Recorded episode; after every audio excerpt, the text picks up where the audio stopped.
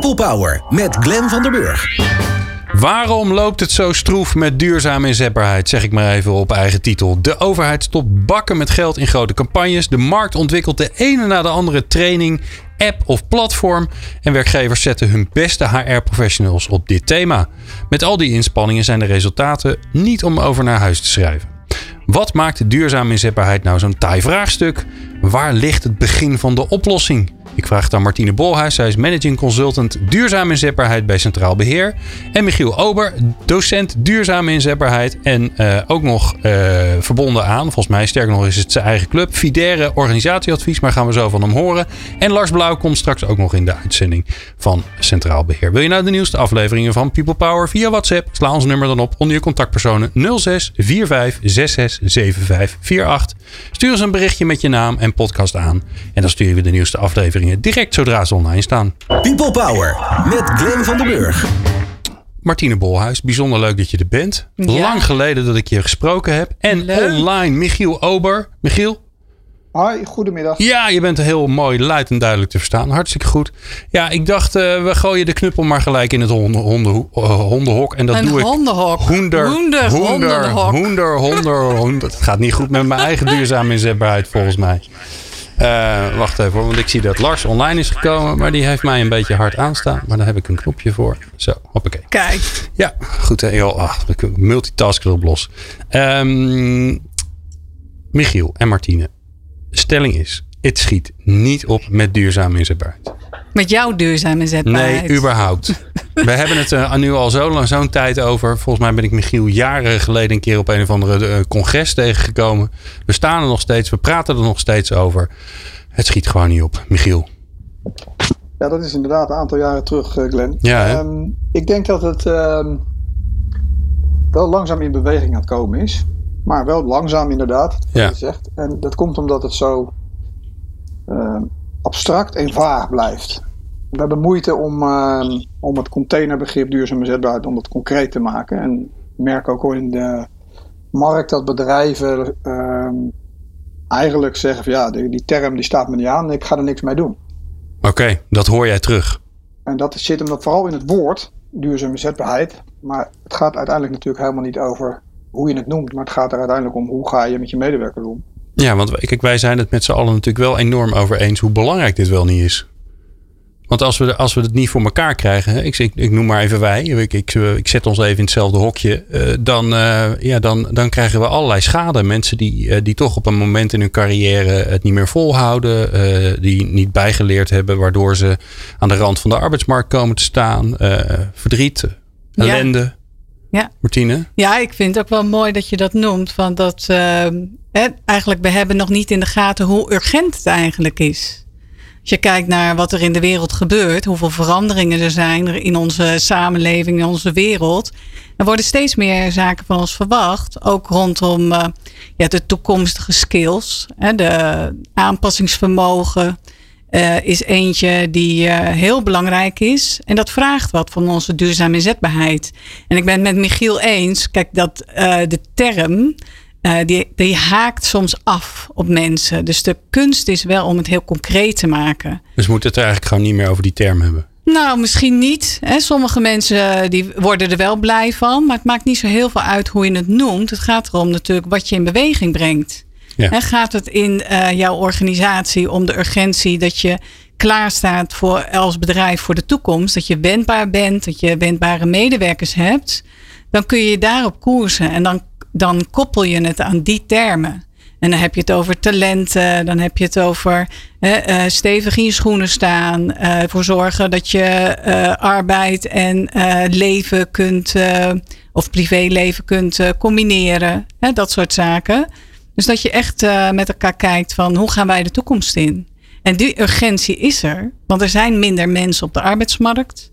Hè, ontgroening, vergrijzing, noem maar op. Dus het is heel belangrijk. Ja. Ja. Michiel, heb jij in die, in die jaren dat jij met dit onderwerp bezig bent al een betere term gehoord? Nou, het zijn, uh, ja, ik zou bijna zeggen soms hypes of zo. We hadden, vroeger hadden we natuurlijk levensfasebewust uh, personeelsbeleid. Ja, dat, ja, dat klinkt ook lekker. Dat klinkt ook, ook uh, lekker vlot. Wow, Tegenwoordig zijn er ook eh, wordt, er, wordt er weer gekeken naar werkgeluk of naar Ja. well-being. Ja, het, het maakt ook eigenlijk inderdaad wat Martine zegt. Het maakt ook niet zo heel veel uit hoe je het noemt. Het gaat er vooral om van hoe zorg je ervoor de, met elkaar dat je eh, optimaal kan presteren als medewerker. En eh, meebeweegt met wat er allemaal verandert. Ja. En eh, hoe doe je dat samen met elkaar als medewerker en werkgever? Om, ja, omdat je daar eigenlijk een gezamenlijk belang in hebt. ja. Michiel, wat, wat maakt het nou zo taai, hè? Nou, die urgentie. Die mis je gewoon. Het gaat over dingen die. wordt niet eh, nee, het, het gaat over dingen die je pas tegenkomt als het misgaat. Ja. Eh, en dat duurt nog even. En het gaat vaak maar mis bij een kleine groep.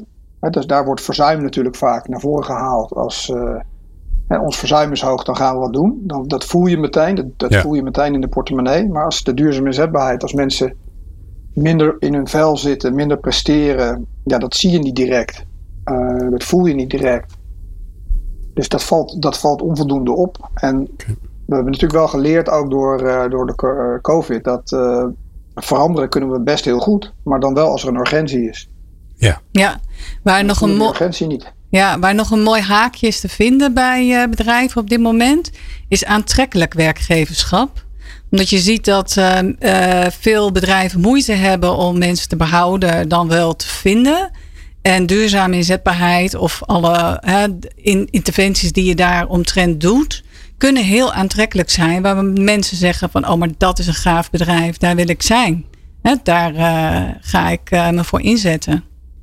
Oké. Dus, dus dat is een haakje om er doorheen te komen. Ja. En, en als jij nou, eh, Martine, moet vertellen waarom het, zo, waarom het zo taai is. Waarom het niet vanzelf gaat. Oh. Ondanks dat, ja, dat we met z'n allen vinden dat het een belangrijk onderwerp is. eh, daar hoeven we het al helemaal niet meer over te hebben. Nee, we weten allemaal dat het een belangrijk onderwerp is. Want het is dichtbij. Iedereen voelt het. Je weet het van jezelf, van je eigen duurzame inzetbaarheid. Maar het is lange termijn. Het is precies wat Michiel zegt. Wij voelen het nu niet als we nu niet investeren. Dus als we de aandacht nog even verschuiven, heeft dat niet direct effect op het hier en nu. Terwijl we wel zien dat op het moment dat je investeert, dat je meer bevlogen medewerkers hebt en dat je beter presteert als organisatie. Dus we weten dat het zo is, alleen we voelen het en we zien het niet direct. Dus die urgentie steeds maar weer boven tafel brengen. Het, eh, dat is een belangrijke rol ook vanuit eh, HR, maar zeker ook van de werkgever als bestuurder. Hè, van om te laten zien hè, wat, dat, eh, eh, wat dat brengt. Ja. Even zodat wij het weer even scherp hebben met z'n allen. Hè? Want anders gaan we het over, misschien wel over appels en peren hebben. Ben ik wel even benieuwd. Ehm, Michiel, wat is volgens jou duurzame inzetbaarheid in anderhalve zin? In anderhalve zin. Ja, Ai. twee mag ook. Ja, als ik dat eh, in een organisatie bespreek, dan ga ik eigenlijk altijd gewoon aan mensen vragen. En dat kan, ja, dat kan eigenlijk altijd. Van wat heb je nou nodig om vandaag je werk goed te doen? En dat is dat je gezond bent en dat is dat je eh, balans hebt tussen je werk en privé. Dat je energie hebt, dat je de juiste kennis en vaardigheden hebt. Nou, zo kan ik al een hele lange opsomming maken van dingen die er nodig zijn. Ja. En uiteindelijk, als je dat vertaalt naar het perspectief van de medewerker, dan is het voor die medewerker belangrijk dat hij toegevoegde waarde heeft. Dat hij toegevoegde waarde voelt ook van het werk. Dus dat hij het idee heeft dat hij nuttig is, dat hij er plezier in heeft. Natuurlijk dat hij er inkomen mee genereert. Ehm, maar vooral ook dat hij eh, plezier heeft, het nuttig vindt wat hij doet, dat hij sociale contacten heeft. Dus het, het feit dat hij werkt, dat moet voor hem, haar toegevoegde waarde hebben. En dat, ehm, dat is als je naar het medewerkersperspectief trekt. Ja. Als werkgever ehm, gaat het over dezelfde onderwerpen, maar dan heb je het veel meer over de eh, relatie met productiviteit en kwaliteit. Maar ik vind het wel mooi wat je zegt. Hè? Die toege- want die toegevoegde waarde is natuurlijk twee kanten op. Hè? Dus hoe zorg je ervoor dat toegevoegde waarde, eh, dat de toegevoegde waarde is voor jouw werk, voor jou. Maar ook andersom, jij voor, eh, voor de organisatie waar je werkt. Heb je hem dan niet gewoon? Dan heb je hem. Ja. Martine, je hem hoe zou jij hem framen? In anderhalve zin? Duurzame inzetbaarheid, Ja. het behouden en kunnen verkrijgen van werk. Dat is zo echt het belangrijkste dat dat hè, bij je zit. En ook dat vertrouwen daarin hebben. Dat is dan even de bijzin. Hè? Ik had die anderhalve zin al gebruikt. Ja, jij, jij, jij, Ja. jij wilde je aan de, aan de regel houden. Dat is ik wilde me aan de regel Ja. houden, ja. Ja. Precies. Nee, maar ik vind het wel mooi. en wat net genoemd wordt eh, door Michiel is ook van eh, ertoe doen. Dat is natuurlijk een van de belangrijkste onderdelen van werkgeluk. Ertoe doen. En dat is een belangrijk thema voor mensen. Ja. En dat geldt niet alleen voor werk, maar ook voor het leven. Dat je lekker in je vel zit. Wat ik zo met jullie wil bespreken, uh, want we hebben hem wel duidelijk. Hè, we, we, we, voelen allemaal uh, uh, energie en ook lichte irritatie dat het gewoon niet hard, niet, hard, niet, niet hard genoeg gaat. de truc is natuurlijk dat we onze luisteraars gaan helpen met hoe je dat dan wel doet. Um, en dat hoor je zo. Betere prestaties en gelukkige mensen. People Power. In de studio Martine Bolhuis en digitaal in de studio Michiel Ober en ehm, Lars Brouw. Die is ook aangeschoven virtueel.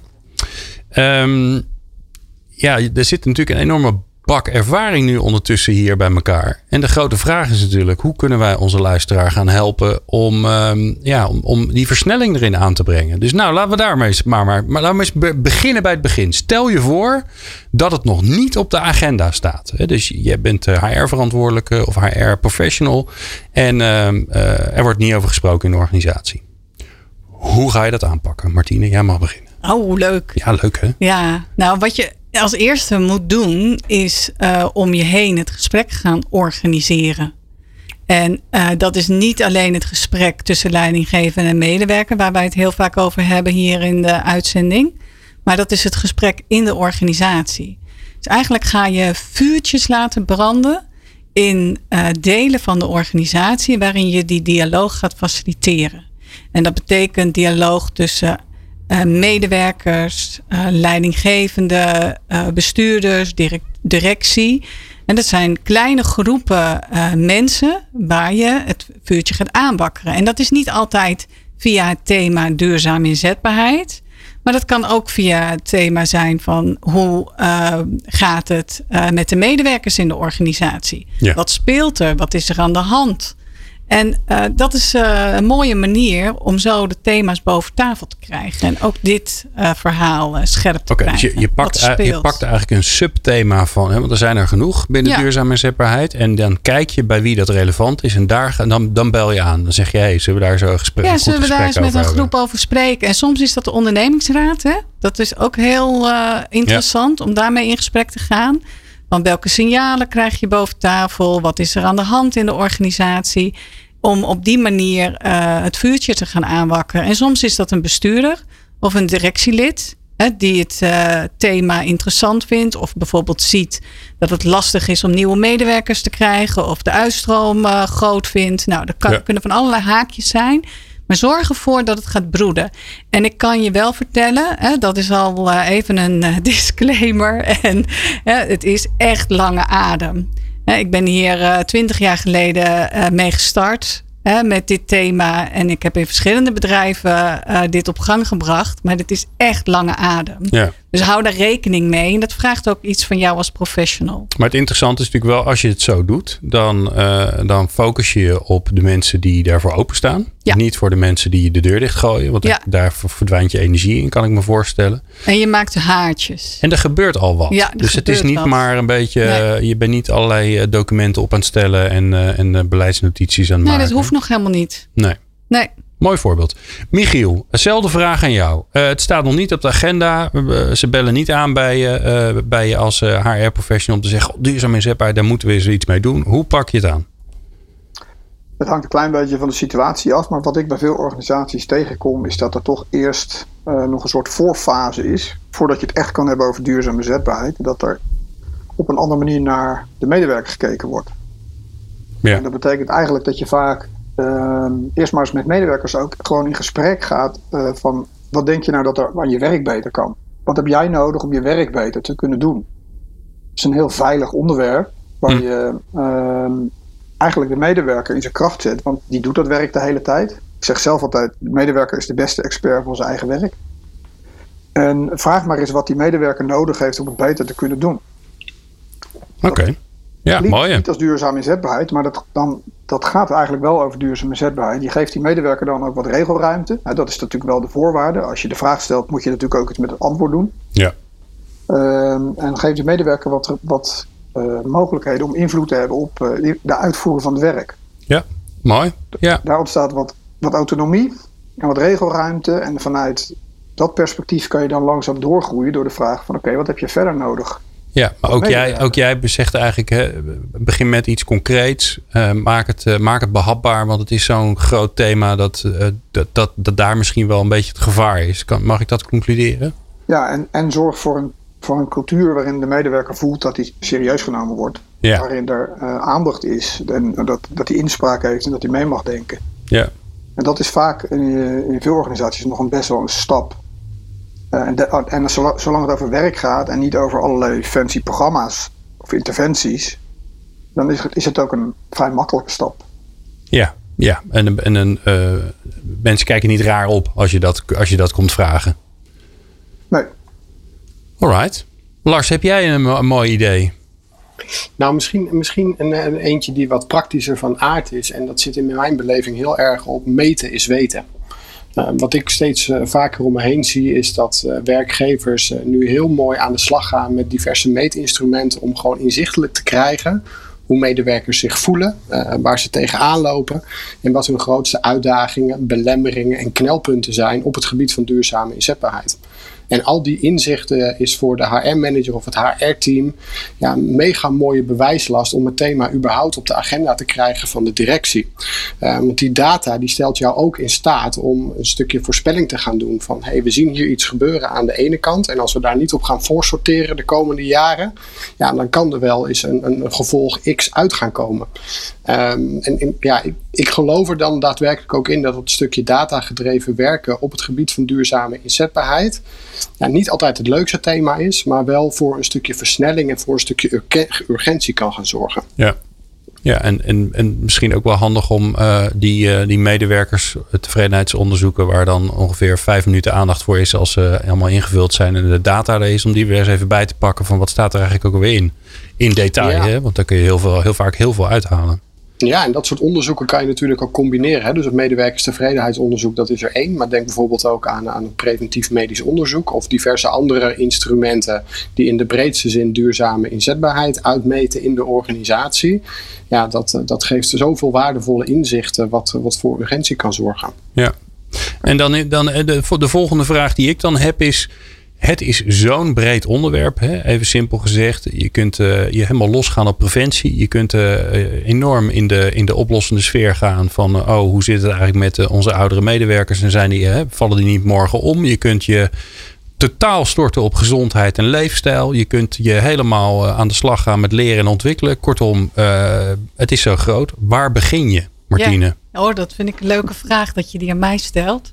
We zijn nu uh, uh, met werkgevers in gesprek over een impactanalyse. En dat is eigenlijk een tool waarin je met elkaar kijkt van wat is er nou precies aan de hand? Waar liggen nou de meeste vraagstukken in de organisatie? Daar gebruik je ook de gesprekken voor hè, die ik eerder noemde. dus dat als je dat hebt opgehaald in de organisatie, wat speelt er? Dan kun je dat zien op welke vlakken, welke assen van duurzame inzetbaarheid is er wat aan de hand.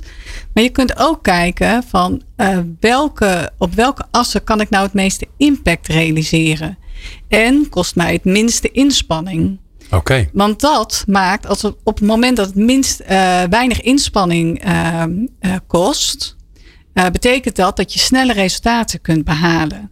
En dat betekent direct uh, dat mensen gaan zien, hey, het heeft effect. He, mijn inspanning op duurzame inzetbaarheid heeft direct effect, heeft impact. En ik zie dat mensen in beweging komen. Ik zie dat mensen het leuk gaan vinden, dat er uh, energie ontstaat.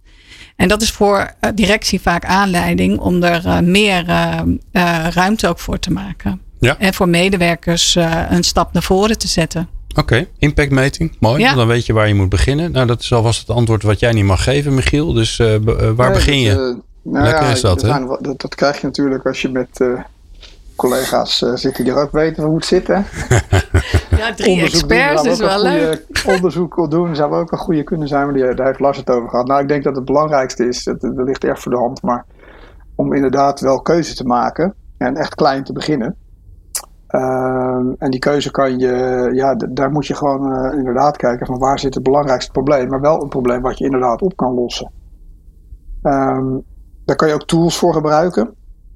Er bestaat ook een uh, tool die, uh, waar ik een, mede heb helpen ontwikkelen van TNO inmiddels.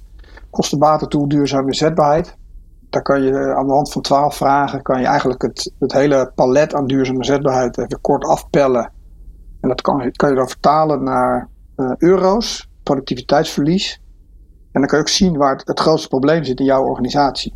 Oké. En dat helpt ook om, uh, om te kiezen van waar ga je nu je geld op inzetten. Ja, ja want die euro kan je maar één keer uitgeven. Die euro kan je maar één keer uitgeven. Ja. ja. ja. nou Lars, je hebt al onderzoek gedaan, hè? Dat uh, meters weten, die heb je al gehad. Waar beginnen we? Ja, goede vraag nog. Ik ben, ik ben er hard over aan het nadenken. Maar ja, ik denk toch ook dat het voor een HR-team uh, weliswaar heel behapbaar kan zijn om je te focussen op een thema waarvan jij denkt dat het op dat moment, of misschien wel op korte termijn, de, uh, het grootste risico gaat zijn. Of dat nu zit op het thema vakmanschap of op het thema gezondheid. Het zal erg uiteenlopen en per, per sector ook wel uh, enorm van elkaar verschillen. Um, maar door een thema beter te pakken waarvan jij het gevoel hebt waarmee je het snelste impact kan maken, um, dan zal dat ook zorgen voor draagvlak en zal voor een nieuw thema uh, daadwerkelijk ook sneller de portemonnee getrokken worden om daar, en daar daadwerkelijk mee aan de slag te kunnen gaan. Ja. Er zit nog wel een klein uh, dingetje achter, Glenn. Ja, Michiel. Je kan natuurlijk bedenken dat je een onderwerp beet gaat pakken en dat je daarmee aan de slag gaat. Maar er zitten, er zitten wel een aantal uh, succesfactoren onder. Uh, die je wel eerst op orde moet brengen, omdat het anders gewoon überhaupt niet gaat werken. Ja, zoals? Zoals uh, de rol die de leidinggevende speelt en uh, de dialoog waar Martine het net al even over had. Er zijn wel een, ja, je hebt daar wel een, een er moet een bepaalde ruimte ontstaan voor die medewerker om het ook daadwerkelijk te kunnen gaan bewegen. En we zien natuurlijk heel veel organisaties en uh, daar kom ik uh, bij HR en dan hebben ze eigenlijk alles geregeld. Een hele catalogus vol met instrumenten en middelen. Um, maar die medewerkers pakken het niet op. Nee. Dan, krijg ik altijd, dan krijg ik altijd een soort van de, van de vraag van ja, ze doen het niet.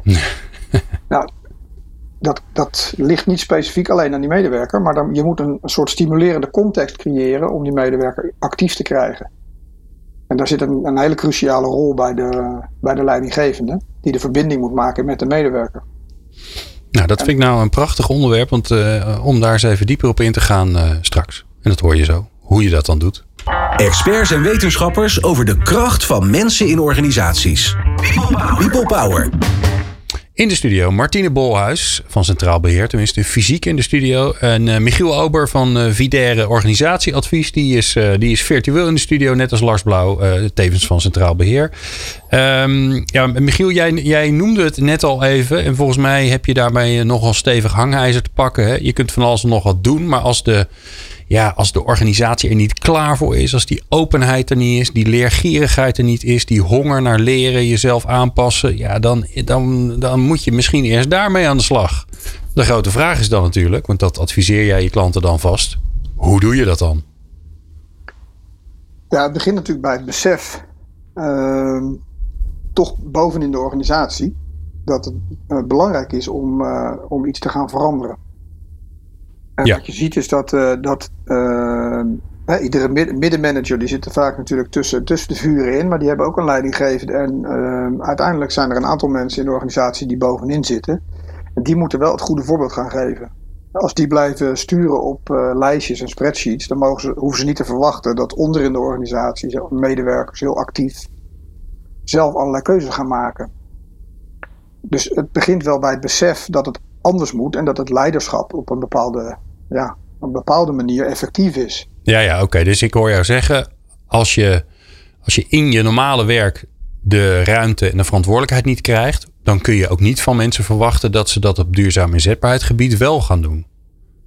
Exact. Dus dat zegt nogal wat. Dus als je dat niet voor elkaar hebt, dan heb je nogal een stevige organisatieverandering, cultuurverandering te doorgaan. Nou ja, uiteindelijk wil je, uh, als je duurzaam uh, met ja, duurzaam aan de slag wil, blijvend aan de slag wil, en je wil niet dat het een project is, dan is het eigenlijk is duurzame zetbaarheid ook een vorm van een, uh, een cultuurverandering. Ja.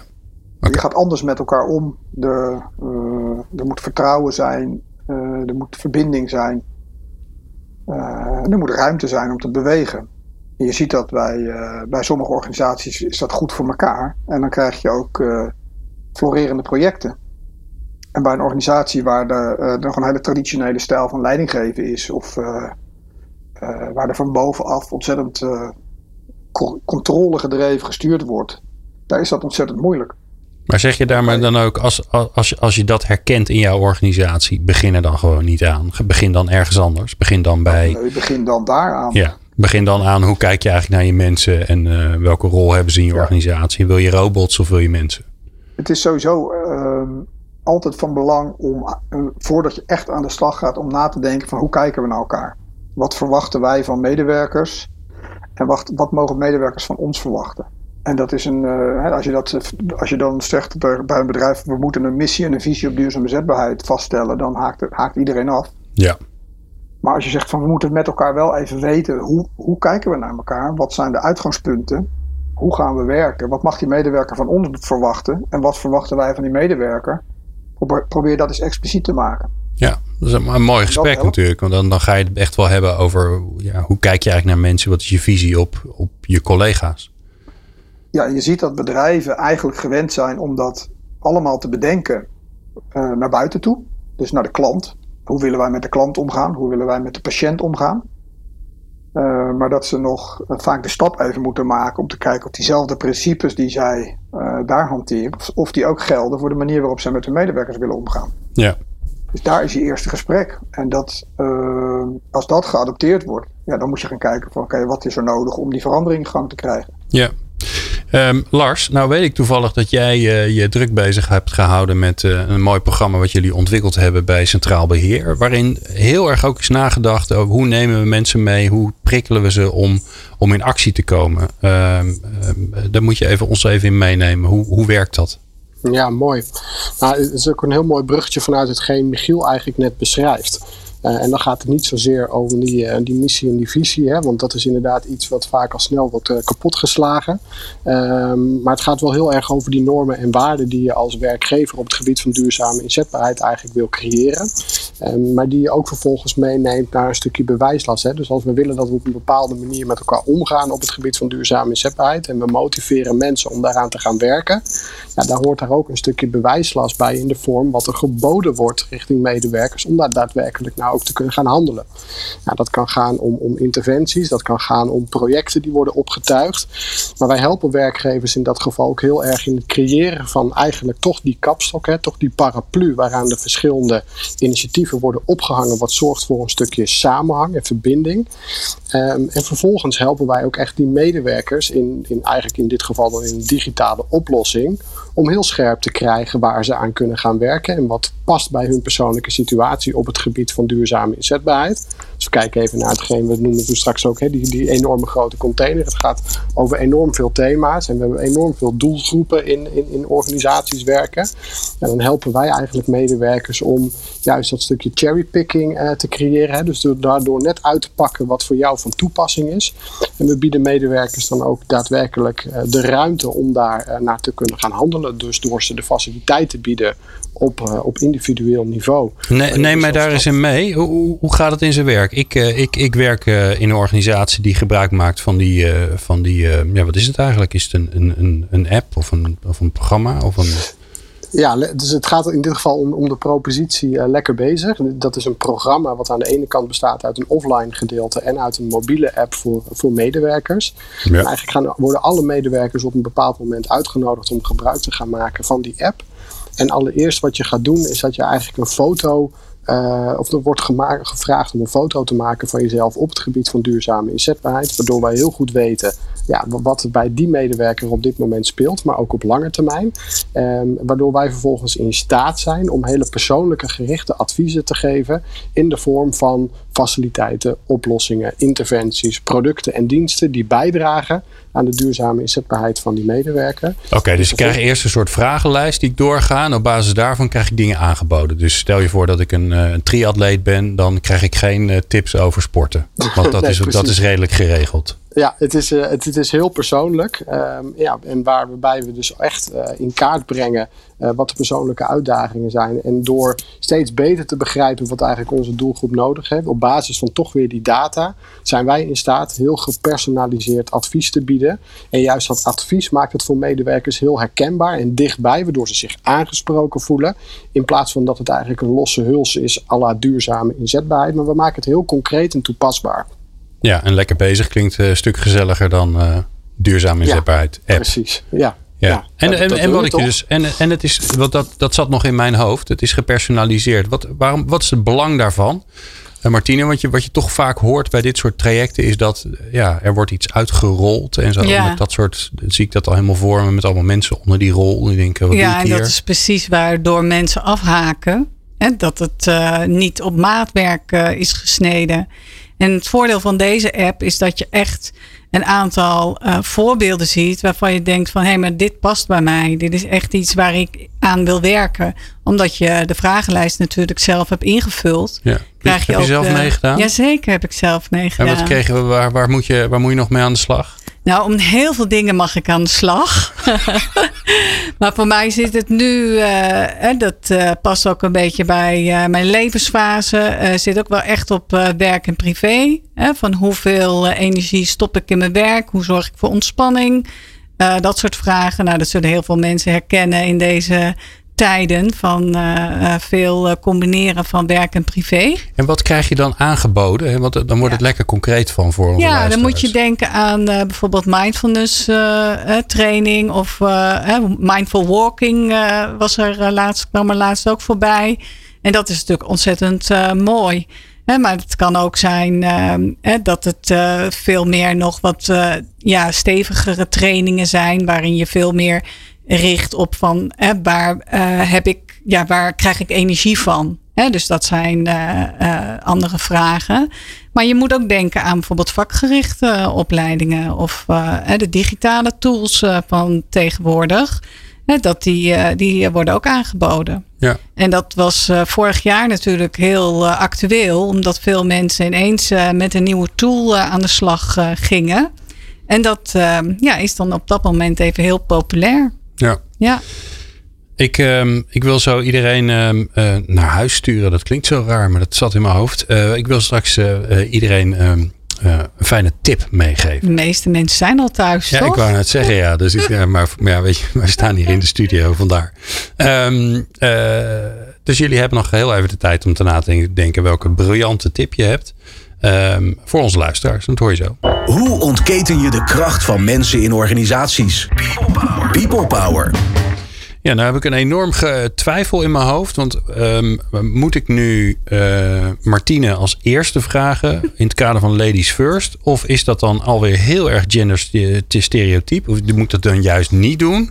Omdat, ik, omdat zij de van de meest fantastische experts en prima als laatste kan. Dus ja, wat wil je Martine? Wil je als ja, eerste? Als... als laatste. Ja, nou zie je. Dat, ja, ja. En het antwoord is gewoon vragen. Helemaal leuk. Heel goed. Um, dan beginnen we bij Michiel. Michiel, uh, onze luisteraars luisteren regelmatig naar uh, People Power, horen dan allerlei dingen over duurzame inzetbaarheid. Maar uh, ja, om het in de praktijk te brengen valt nog niet mee. Dus morgen worden ze wakker. Dan is het dinsdag als ze live hebben geluisterd. Of een andere dag als ze de podcast luisteren.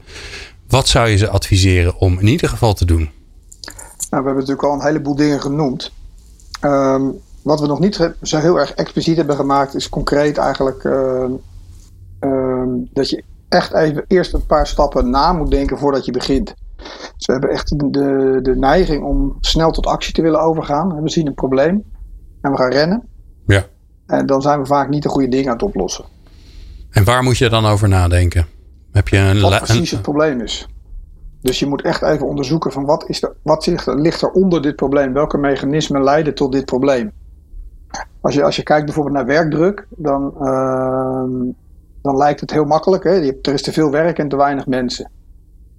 Ja. Dat, is, dat, dat zijn allebei dingen die kan je eigenlijk niet eens oplossen. Want dat, dat is ontzettend complex. Maar daar zit vaak zit het in, in hele andere zaken. Dat kan zitten in uh, taakonduidelijkheid. Het kan zitten in gebrek aan autonomie. En het kan zitten in de te weinig steun van collega's. Uh, een verkeerde werksfeer. Uh, het kan heel divers zijn. Dat vraagt, nou ja, je analyse van waar zit het probleem leidt ook tot een andere oplossing. Oké. Okay.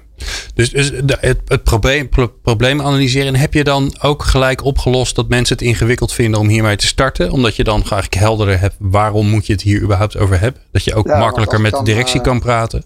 Advies B mag geven. Ja, ja joh, je bent toch lekker bezig. Maar dan, uh, dan ga ik gewoon, uh, betrek die medewerkers daarbij. Dus ga dat niet zelf zitten bedenken van uh, intelligent van achter je bureaustoel. Uh, nee. Of uh, een expert die dat eventjes komt vertellen. Maar doe het samen met je medewerkers. Want die okay. kunnen het beste ontrafelen wat er is. En dan heb je, heb je ze meteen aan boord. Dan zitten ze meteen in de boot. Om, om daarna ook samen te gaan kijken naar de oplossing. Ja, Oké, mooi. Nou, ehm, de, de, kans is redelijk groot dat je ondertussen uh, de tip van Lars Blauw uh, voor, uh, weggezaagd hebt. Het gras, de, het gras en zo. Maar ach ja, die, die, man die loopt over van goede, goede ideeën. Dus ik, Lars, ik ben heel benieuwd. Wat is de tip? Wat wil je meegeven aan mensen? Nou, ik kies toch iets voor een andere insteek. Hij is misschien een beetje vreemd. Maar ehm, ja, ik, ik, wil organisaties toch meegeven hoe vervelend het ook is. Maar ehm, ja, gebruik het moment van corona op dit moment om iets in beweging te zetten op het gebied van duurzame inzetbaarheid. Hoe pijnlijk de aanleiding ook is. Maar wat ik zie bij organisaties die nu ervaren dat ze toch echt een extra stapje moeten gaan zetten voor hun medewerkers. En die dat doen vanuit uh, de urgentie rondom de pandemie op dit moment. Die krijgen dingen voor elkaar. Die krijgen een thema op de agenda. Of het nu om werk-privébalans gaat of leren ontwikkelen of welk thema dan ook. Um, er is een bepaalde urgentie aan het ontstaan. Waar bij werkgevers het thema eigenlijk nooit op de agenda stond. Dat op dit moment wel het geval is. En ja, de aanleiding is misschien niet altijd even leuk. Um, maar het is wel iets waarin ik zie dat het in toenemende mate ook wel echt werkt. Ja, en, en als die pandemie er toch is, dan ook maar zorgen dat het wat positiefs oplevert. Precies. Ja, ja. mooi. Ja. Uh, ja, en hoe doe je dat dan op een charmante manier? Zonder dat iedereen denkt, jeetje Mina zeg, wordt er met de haren bijgesleept en uh, hoe durven ze? Want het is natuurlijk ook gevaarlijk. Nou, ik, ik, denk wel dat je het moet doen vanuit uh, een stukje zorgplicht. Hè? Dus als je als werkgever er wel echt voor open staat om voor je medewerkers te zorgen en hen iets te bieden, waardoor ze uh, gezond, gelukkig en met veel plezier hun werk kunnen blijven doen, ja, dan denk ik dat je altijd in de veilige hoek zit. Ja, ja dus ook je intenties duidelijk maken. Ja, Alright. En daar heel transparant in zijn. Heel mooi. Nou, en als laatste uh, verwachten wij natuurlijk heel veel van Martine Bolhuis. Ja, nu is de lat hoog, hè? Met zulke mooie adviezen. Nou, ik wil eigenlijk uh, eindigen bij het begin. Begin uh, hadden we het over van wat gebeurt er nou eigenlijk allemaal in de wereld. Hè, waarom het zo urgent is hè, dat we met duurzame inzetbaarheid aan de slag gaan. En dat heeft te maken met de technologie, uh, de arbeidsmarkt, alles wat ons te wachten staat. En uh, daarmee uh, is des te belangrijker dat we investeren op wendbaarheid. En dat kan heel klein, want het woord wendbaarheid is ook een groot woord. Als jij zegt we moeten investeren op wendbaarheid, dan denk ik, ik ben het met je eens, maar ik heb geen idee wat nee, ik moet doen. En dan ga ik het concreet maken. En dat betekent dat uh, we mensen laten ervaren dat het talent wat ze nu inzetten voor een specifieke rol, dat ze dat ook bij een andere rol kunnen inzetten. En dat vind ik heel belangrijk, omdat uh, mensen dan gaan ervaren, ze doen eigenlijk leerervaringen op, dat ze niet alleen hun eigen functie kunnen uitoefenen, maar ook die andere. En dat ze kunnen switchen. En hoe vaker je dat ervaart, dat je verschillende rollen kunt oppakken. En dat betekent niet dat je direct een andere functie hoeft te doen. Maar dat betekent dat je ervaart dat je nieuwe taken kunt oppakken, dat je kunt leren, uh, dat je kunt switchen, dat je dingen ernaast kunt doen. En dat is heel belangrijk voor een wendbare organisatie. En, en, Want dat we gaan veranderen. Maar maak het eens concreet. Heb je een voorbeeld van een bedrijf of een organisatie die dit al doet? Ja, heel dichtbij uh, zie ik het bij onze moedermaatschappij uh, Achmea. die de ruimte geeft om te slashen. dus rollen naast het werk te doen. Maar bijvoorbeeld ook een organisatie die echt heel specifiek uh, mensen bij een andere afdeling uh, regelmatig inzet. Om te zorgen dat zij ook op dat moment uh, ervaren dat ze ook bij die andere afdeling inzetbaar zijn. Ja. En je hoort ook vaak, en ook en bijvoorbeeld de zorg hoor je dat ook wel vaak, dat mensen het gevoel hebben van hé, hey, ik ben heel erg gespecialiseerd in deze afdeling, in dit stuk. Terwijl ze vergeten dat ze in de basis gewoon een zorgverlener zijn en verpleegkundige en heel veel kwaliteiten in huis hebben. Om ook bij die andere afdeling eh, in te zetten of bij, die andere, bij het andere vraagstuk. En dat is belangrijk dat je dat steeds blijft oefenen door je hele loopbaan heen. Ja. En dat maakt hè, dat ook op het moment dat het wat minder gaat of misgaat of werk verdwijnt, uh, dat je toch uh, een volgende stap kunt maken. Mooi. Mooi voorbeeld. Ja, en uh, geweldige tips. Dus uh, ik, ik, dank jullie zeer. Lars Blauw en ehm, Martine Bolhuis van Centraal Beheer. En Michiel Ober. ja, Michiel, jij bent van jezelf, hè, toch? Het is jouw, jouw eigen club, toch? van je, ja, iedereen is Van van zichzelf. Maar van eh, Videre, Videre, als ik het goed uitspreek, organisatieadvies. Dankjewel eh Michiel ook voor jouw eh, mooie tips. Wij zijn er in de volgende aflevering weer. En ondertussen zat ik aan het kijken wat er eigenlijk aankomt. En eh, daar ben ik bijna. Dus eh, dat ga ik jullie vertellen. Ehm, oh ja, dat ziet er heel mooi uit. Eh, we hebben weer een aflevering van The Future of Work. Hoe verandert ons werk na de coronapandemie? Nou, dat is natuurlijk een interessant onderwerp trouwens. Die hebben we al gehad. Dus ik zit helemaal verkeerd kijken. Goedemorgen. Ehm, oh ja, we hebben een, een People Power Change met Jeroen Buescher. met ehm, Your Desk. Een soort Airbnb voor werkruimte. En we hebben een aflevering met eh, Dominique Hermans, managing director van eh, Randstad Nederland. Of eigenlijk de baas van Randstad Nederland ondertussen. Ehm, om met haar te praten over de positie van flexwerkers op de arbeidsmarkt. Nou, dat allemaal in de volgende aflevering van People Power. Voor nu, dank voor het luisteren. Meer afleveringen vind je op peoplepower.radio en jouw favoriete podcast app.